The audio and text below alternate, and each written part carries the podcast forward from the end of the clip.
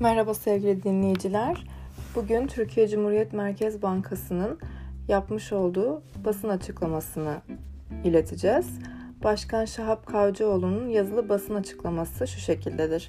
Türkiye Cumhuriyet Merkez Bankası kanunla belirlenmiş görev ve yetkiler çerçevesinde enflasyonda kalıcı düşüşü sağlama temel hedefi doğrultusunda para politikası araçlarını etkin bir şekilde kullanmaya devam edecektir.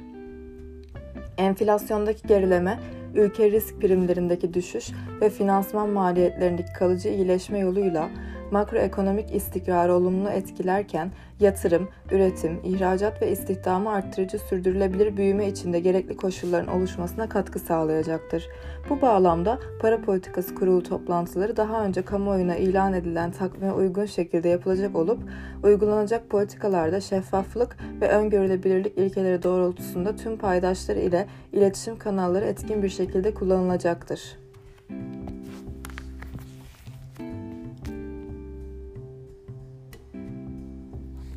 Ekonomistlerin görüşüne göre Nisan ayında yapılacak olan para politikası kuruluna kadar yeni Merkez Bankası Başkanı faiz ile ilgili bir şey yapmayacağı görüşünü açıklıyorlar. Dinlediğiniz için teşekkür ederiz.